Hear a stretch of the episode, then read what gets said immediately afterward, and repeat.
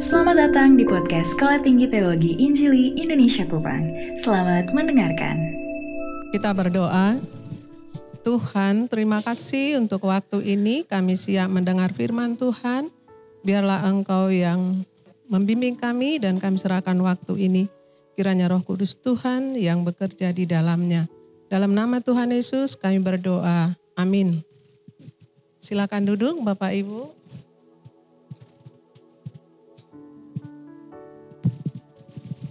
Shalom. Mungkin ada yang belum kenal saya ya, angkatan satu ya. Saya kenalkan dulu nama saya Nelly Sihombing. Saya dari Medan, Sumatera. Tiga tahun yang lalu tanggal 3 bulan 9 2019 saya di sini. Dan sebelumnya ada 13 tahun di Aceh, sebelumnya itu saya ada di Medan di STI. Baik, demikian perkenalan kita.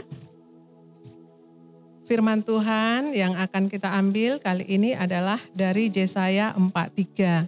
Mari kita buka Yesaya 43. Sebenarnya saya tidak pengkhotbah begitu. Kemarin Bapak Padame kirim, waduh besok pula ini. Jadi saya siapkan dari Yesaya 43 yang memang sudah menyatu dengan diri saya ya. Yesaya 43 ayat 1 sampai selesai. Maaf kita baca keseluruhan nanti. Baik, saya ambil judul dari uh, Yesaya 43 ini adalah jangan takut di saat engkau sedang takut. Jangan takut di saat engkau sedang takut gitu. Heran ya. Di saat kita takut kok malah kita tidak takut gitu. Harusnya ya takut. Tapi berdasarkan firman Tuhan ini, jangan takut di saat engkau sedang takut. Yesaya 43 ini adalah uh, saya lihat di perjanji uh, di lai yang sebelum ini di kabar baik, terjemahan kabar baik, dia kasih tiga kelompok. Dari pasal 1 sampai pasal um, uh, 40 itu pasal 1 sampai pasal 39 itu dia buat kelompoknya itu saat bangsa Israel masih Yehuda masih di Yerusalem. Pasal 40 sampai 41 sampai itu 55 itu saat bangsa Israel berada di Abel. Dan kemudian pasal 56 sampai 66 itu saat mereka sudah kembali dari Babel ke Yerusalem. Nah, jadi pasal Tiga ini adalah saat mereka sedang berada dalam di pembuangan di Babel. Kemudian firman Tuhan datang uh, kepada Yesaya dan mensuarakan ini. Sebagai nabi dia mengatakan pasal 43. Mari kita baca pertama-tama di ayat 1 sampai 7. Nah, bisakah oh sebelumnya bisakah kita memang tidak takut di saat kita sedang dalam situasi takut? Ternyata bisa. Mengapa? Karena di dalam firman Tuhan berdasarkan Yesaya 43 ini ada tiga hal. Tiga hal itu akan kita lihat. Hal pertama di ayat 1 sampai ayatnya yang ketujuh. Yaitu ada afirmasi daripada Allah kepada bangsa Israel yang ada di dalam pembuangan. Apa itu? Mari kita lihat. Afirmasi itu yang mengungkapkan identitas mereka sebagai kepunyaanku. Mari kita baca bersama-sama ayat 1 sampai 7. 1 2 ya.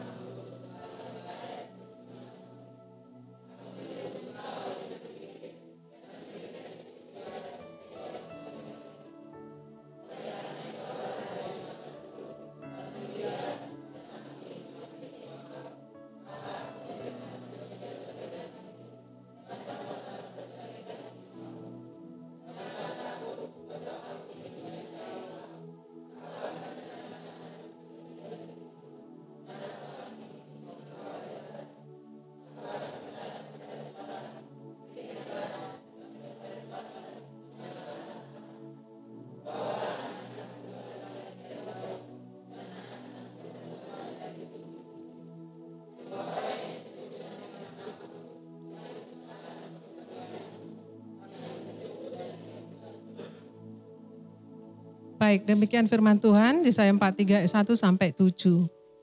Afirmasi yang diberikan Allah kepada mereka adalah, ingat loh, kamu itu masih kepunyaanku, kamu masih itu masih bangsa yang istimewa, walaupun kamu kubuang, tanda petik.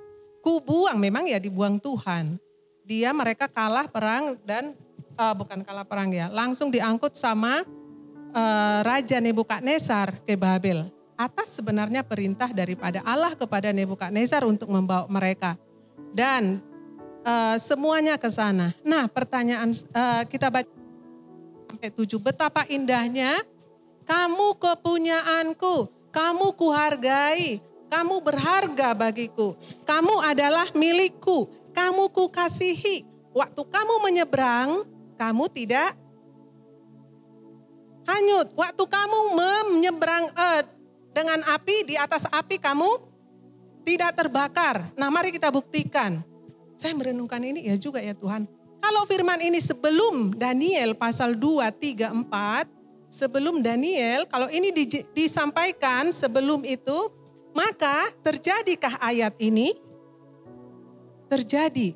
Sadrak Mesa Abednego dibuang ke perapian tujuh kali lipat karena mempertahankan imannya. Apakah mereka terbakar? Jadi ayat ini biasanya Tuhan sampaikan dulu sebelum terjadi. Nah berarti saya pikir ayat ini disampaikan sebelum kejadian itu Daniel. Pasal 2, Sadra dan Mesa Abednego. Yang mau kita buktikan di sini.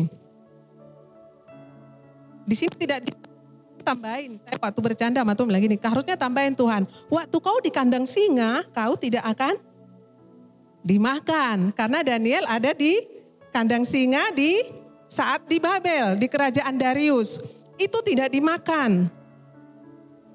Jadi terbuktikah ayat ini? Sangat terbukti.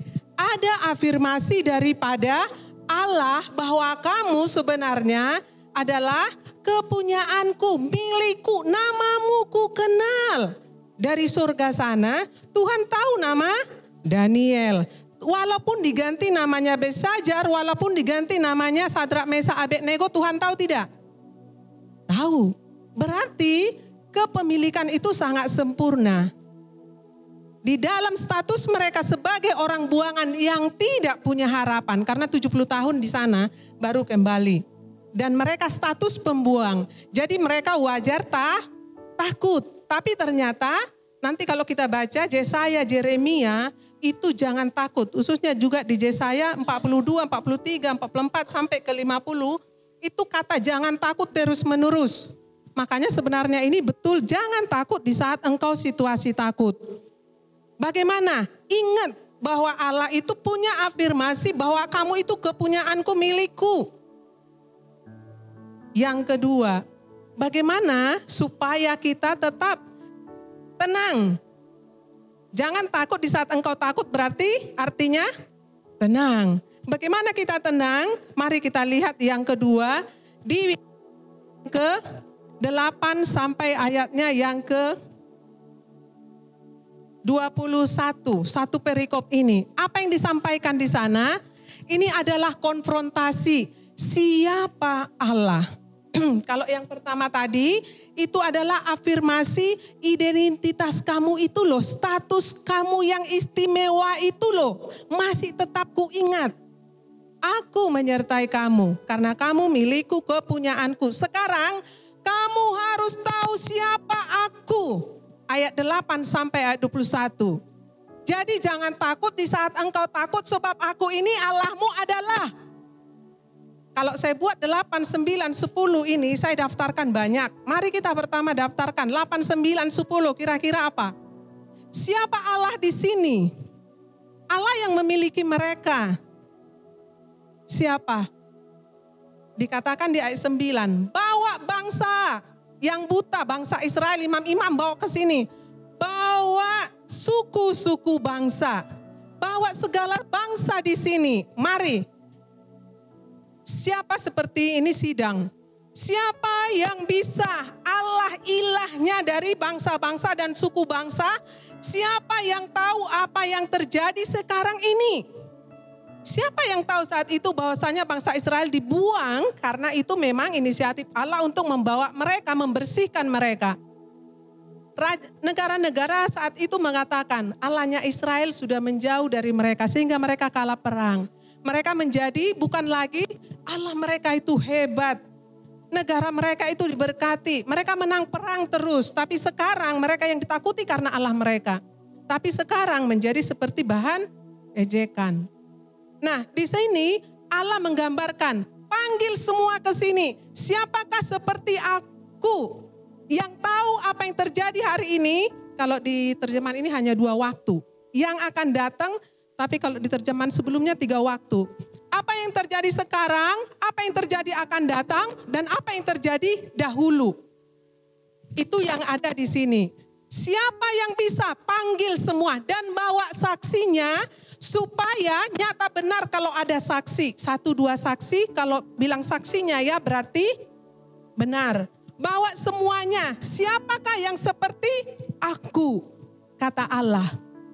Akulah, aku, akulah dia yang, apa yang kita baca tadi? Yang sebelum aku tidak ada Allah lain. Ayat 11 boleh dibaca seorang? Mulai ayat 10 terakhir. Supaya kamu tahu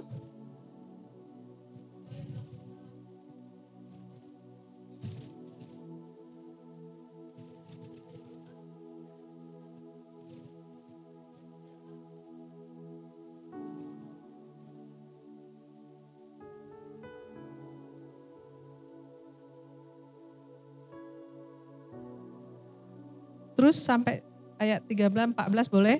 13.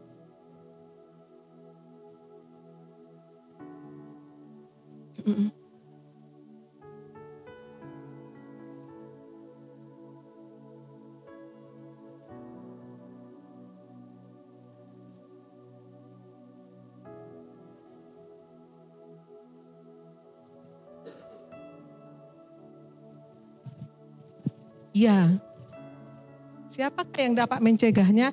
Kalau aku panggil Nesar untuk membawa kamu ke Babel, siapa yang bisa? Apakah Allah yang kamu sembah-sembah dewa-dewa itu? Tidak.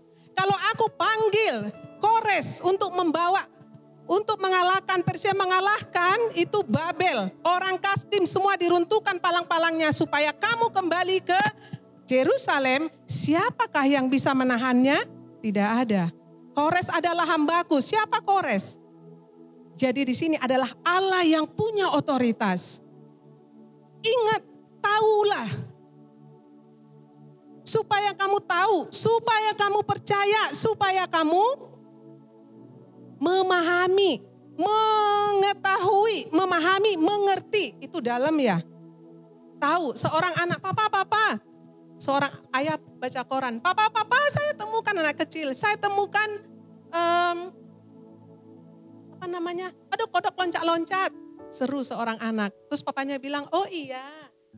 Papanya tahu tidak anaknya ada kodok di sana? Tahu. Tapi kalau ini, papa, papa, ini ada kodok loncat-loncat. Terus papa tinggalkan korannya dan dia pergi dan kemudian dia dia bantu anaknya. Terus oh iya ini kodok, iya ini ini diceritain. Itu mana yang paham, mana yang tahu.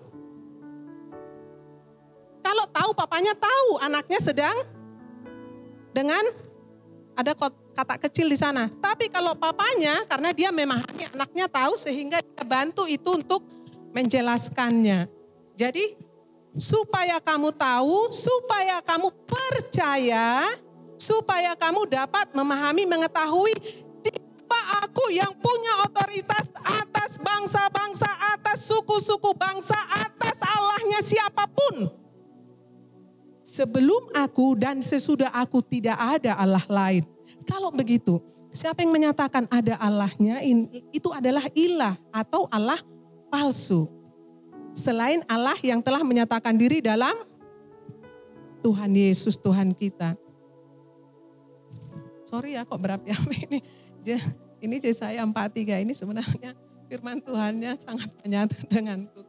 Jadi mari kita lihat lagi Allah yang punya otoritas atas apa lagi? atas suku bangsa, atas bangsa, atas waktu hari ini besok akan datang yang sudah berlalu dan yang akan datang. Bukankah dia sudah membuat master plan lengkap? Apakah Allah masih kerja lagi? Menyuruh kita, tapi master plan-nya sudah lengkap di depan dan juga di belakang dia sudah beritahu. Dia ilhamkan Musa untuk menulis kejadian. Musa tidak lahir di sana. Tapi Musa bisa melihat ke belakang. Allah yang punya otoritas atas apa lagi? Dari yang kita baca tadi, atas tanah-tanah yang tandus, dia bisa buat apa? Di padang gurun dia datangkan air. Atas semuanya Allah yang punya otoritas itu. Itu loh Allahmu. Aku yang mempunyai engkau. Walaupun engkau di sana dalam kehancuran yang saat ini selama 70 tahun. Jangan takut sebab aku ini Allahmu engkau kepunyaanku memang kau harus lalui waktu yang 70 tahun ini. Tuhan, biarlah orang lain menghadapinya, uh, merasakannya saya tidak. Oh tidak, kamu yang merasakannya. Selama 70 tahun, tapi jangan takut sebab aku ada di sana. Mari kita buktikan satu lagi, otoritas Allah. Di zamannya Esther dan di kitab Esther. Jadi kita lihat bangsa Yahudi di sana. Di kitab Esther sudah ada ketetapan tanggal 13 mereka akan dimusnahkan. Musnahkah ke mereka? Allah menyertai mereka. Justru mereka memusnahkan lebih banyak orang non-Yahudi. Jadi semuanya ini firman Tuhan, ya dan amin. Hanya ingat siapa aku yang memilih kamu. Siapa aku yang menciptakan kamu. Siapa aku yang membersihkan kamu saat ini dibuang ke Babel? Kaitkan ke kitab Yeskiel. Saya temukan terakhir, benar juga ya. Kenapa justru di Babel sekarang kemuliaan Allah ada dan di Israel, di Jerusalem tidak ada apa-apa. Karena kemuliaan Allah, Yehezkel melihat keluar dari bait Allah menuju Babel. Jadi semua terjadi, aku menyertai kamu. Afirmasi tadi, benarkah? Benar. Loh mereka dibuang kok, loh mereka orang buangan kok. Kemuliaan Allah mengarah ke Babel. Bangsa Israel ada di sana. Saat itu Jehuda lebih banyak. Israel dibuang ke Mesir dan dibuang ke Asyur. Jehuda total dibuang ke Babel. Jadi di sana adalah Jadi di sana adalah diingatkan konfrontasi Allah. Kamu tahu nggak siapa aku ini? Seperti gitu loh konfrontasi. Kamu tahu nggak siapa aku ini?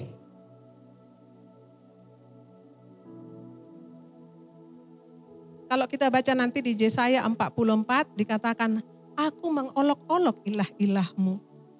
Aku mempermain-mainkan Allah-Allah bangsa lain. Di Yesaya 40, 4, 45, 46 nanti dibaca di sana. Lucu sekali. Kenapa? Memang Allah kita yang punya otoritas. Allah bangsa Israel. Apa yang ketiga kita ingat? supaya kita jangan takut saat kita dalam situasi takut. Yang ketiga ayatnya yang ke-22 sampai selesai. Ini adalah rekonsiliasi mutlak dari Allah oleh karena dirinya sendiri. Mengampuni mereka total tanpa syarat. Oh mereka dalam pembuangan, oh mereka tidak punya apa-apa yang mau dipertahankan, oh mereka sudah dibuang, tapi Allah datang kepada mereka mengampuni. Kenapa? Karena mempertahankan nama Allah. Karena mereka sudah menyembah Allah lain, menduakan Allah. Mereka sebagai tetap menyembah Allah tapi mereka membuat dewa-dewa. Mencampur, aku lebih suka mengatakan ini mencampur. Mereka tidak mengatakan mereka bawa korban persembahan korban selamat penebus dosa Bahkan mereka buat di depan bait Allah itu ada sesembahan di kerajaan Ahas atau kerajaan siapa ya? Nah, di salah satu raja orang Israel. Mari kita lihat bagaimana yang ketiga ini rekonsiliasi total, rekonsiliasi mutlak dari Allah sendiri. Ayatnya yang ke-22 sampai ayatnya yang ke-28. Maaf kita baca kembali bersama-sama. Mari kita lihat. Saya tidak satu-satu uraikan tapi keseluruhan. Dosa Israel diampuni. Satu, dua ya. Sungguh engkau tidak memanggil aku, hai Yakub, dan engkau tidak bersusah-susah karena aku, hai Israel. Engkau tidak membawa dan tidak memulihkan aku dengan korban sembelihanmu.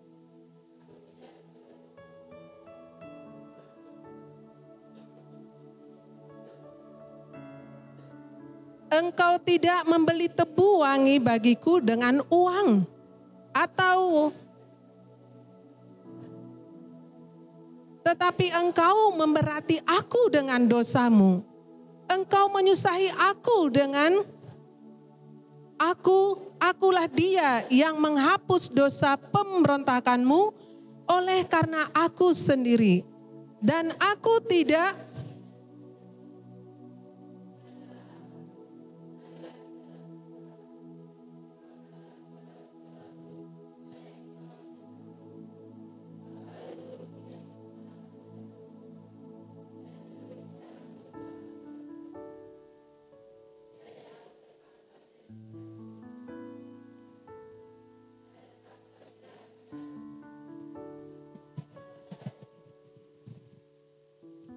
Iya, jadi ini pemulihan total, pengampunan dosa total, penghapusan dosa total, rekonsial, rekonsiliasi total dari Allah oleh karena Allah sendiri. Bukan karena usaha dari, bukan karena ada kebaikan, bukan karena ada perbuatan, bukan karena ada sesuatu, tapi karena Allah sendiri yang mengampuni mereka. Mari kita lihat kata Allah di sini kepada uh, mereka. Bapak leluhurmu yang pertama, kira-kira sebut siapa ini? Sebenarnya Abraham, tapi mari kita ke Adam. Adam dan Hawa sudah berdosa.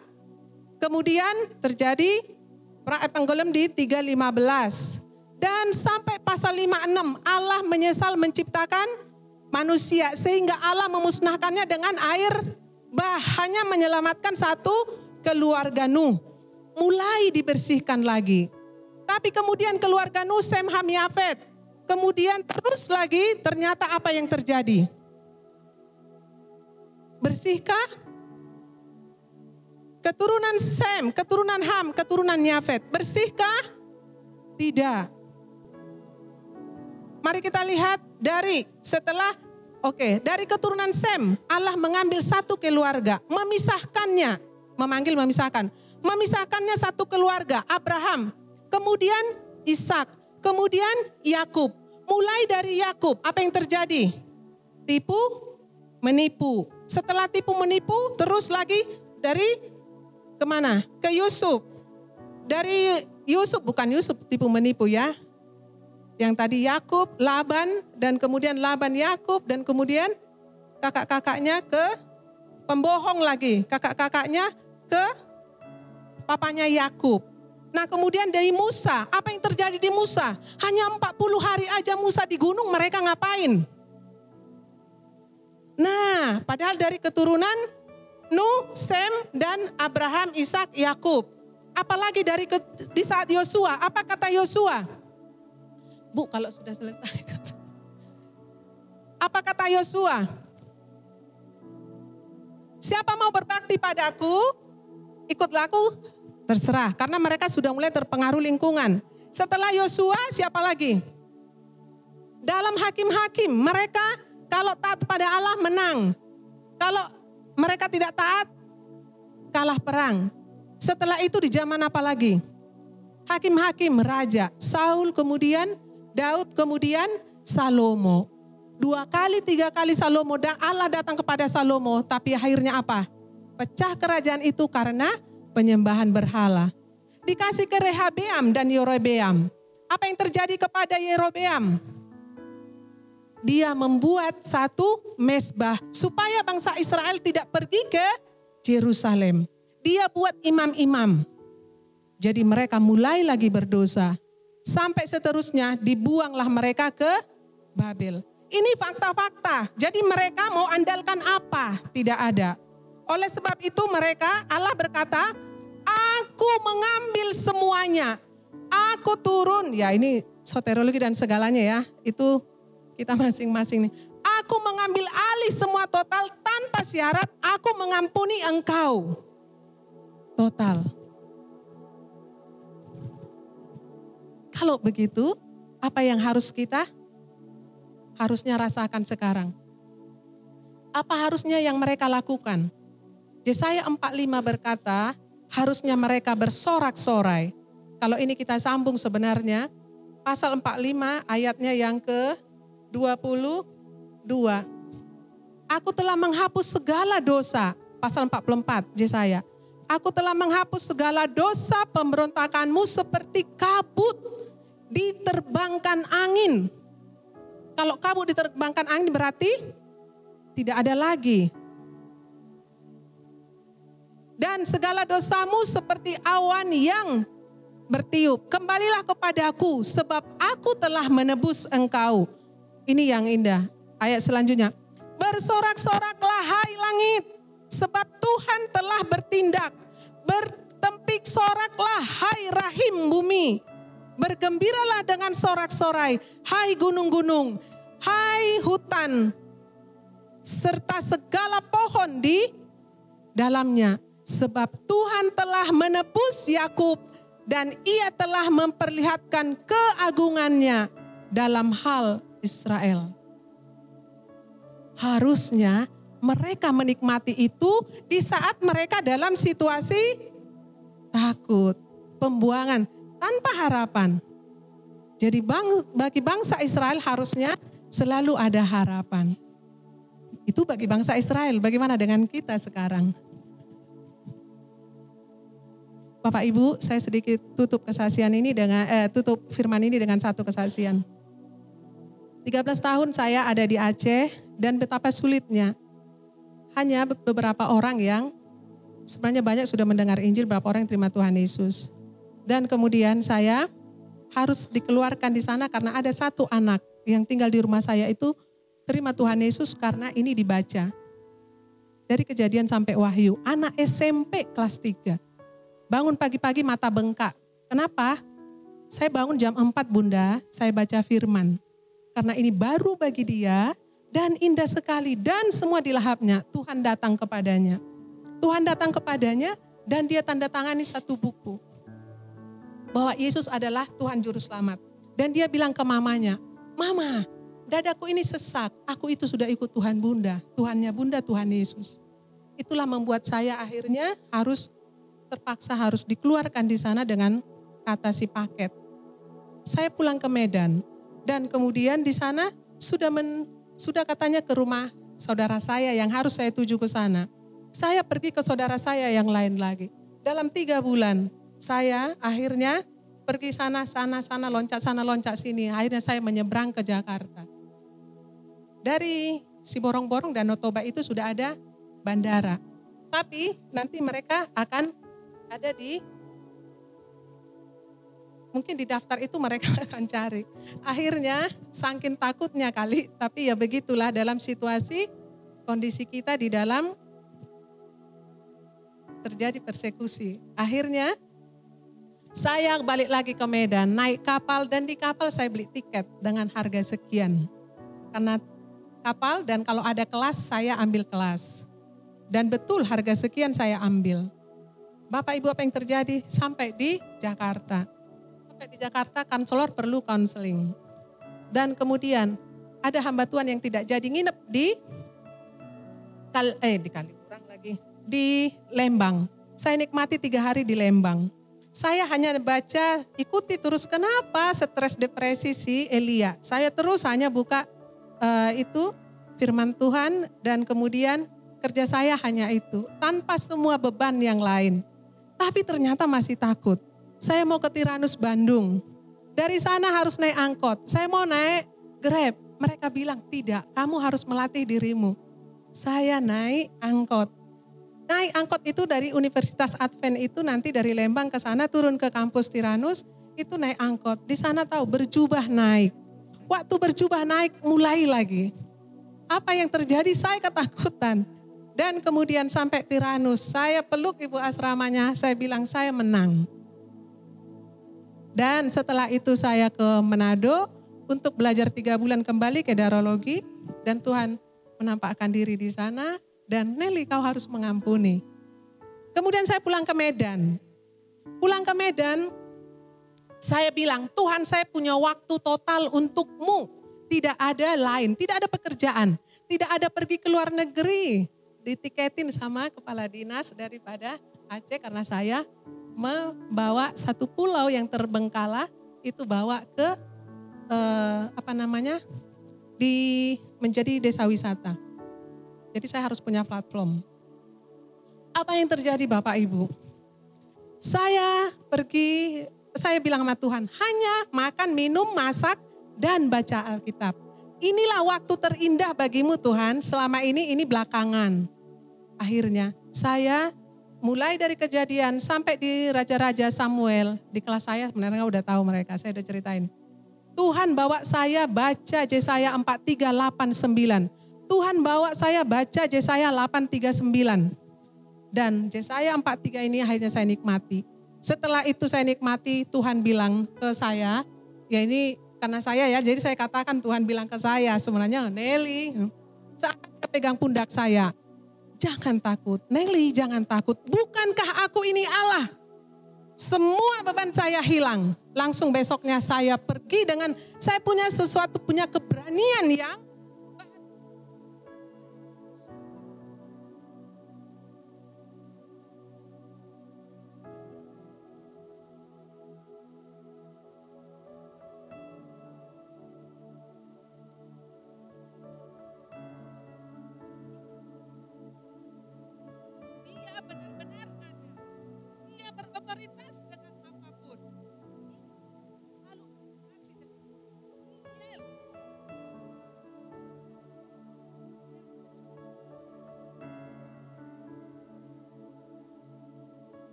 hitungan bulan saya sudah bawa mereka ya Tuhan Yesus dan ke sekolah yang baik.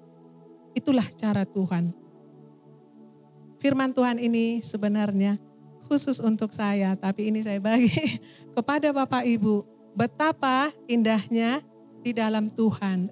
Walaupun kita di dalam situasi tanpa harapan, mungkin ada situasi-situasi kita seperti nyanyian kita tadi, seperti apa? Tanah merindukan air. Dan Tuhan bisa buat itu. Tapi kalaupun kita masih ada dalam situasi itu, bertahanlah karena tidak orang lain yang menghadapi kita ongkang-ongkang, kita yang di sana. Tapi penyertaannya sempurna. Mari kita berdoa.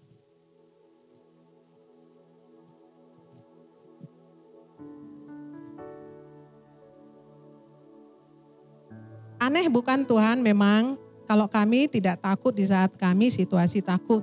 Tapi faktanya demikian firmanmu. Dan saya telah merasakannya. Kiranya anak-anakmu di sini, Bapak Ibu dan mahasiswa bisa mendapat berkat dari firman Tuhan ini dalam situasi apa pun mereka saat ini Tuhan kiranya mereka bisa tenang karena Allah selalu afirmasi tentang kami, apalagi kami dipanggil sebagai hamba Tuhan yang saat ini dibentuk di sini. Dan kami mengingat siapa engkau. Engkaulah Allah yang punya otoritas dari segalanya. Dan Tuhan, engkau total mengampuni dosa kami dan apa pun. Apalagi firmanmu berkata, jika kami mengaku, maka engkau setia dan adil mengampuni dan menyucikan kami. Tuhan terima kasih, terpuji Engkau di dalam nama Tuhan Yesus kami berdoa dan bersyukur kepadamu. Amin. Terima kasih telah mendengarkan podcast Sekolah Tinggi Teologi Injili Indonesia Kupang. Jika Anda rindu diperlengkapi menjadi seorang pelayan Tuhan yang berpengetahuan teologi yang tinggi, berkarakter Kristus untuk memperluas kerajaan Allah, mari bergabung bersama kami di Sekolah Tinggi Teologi Injili Indonesia Kupang. Jalan Tua Bata, Kecamatan Alak, Kupang, Nusa Tenggara Timur. Kunjungi website kami di www.sttii-kupang.ac.id atau via halaman Facebook kami di STTII Kupang. Hubungi kami di 081237978267. Sekali lagi 081237978267. Terima kasih, Tuhan Yesus memberkati.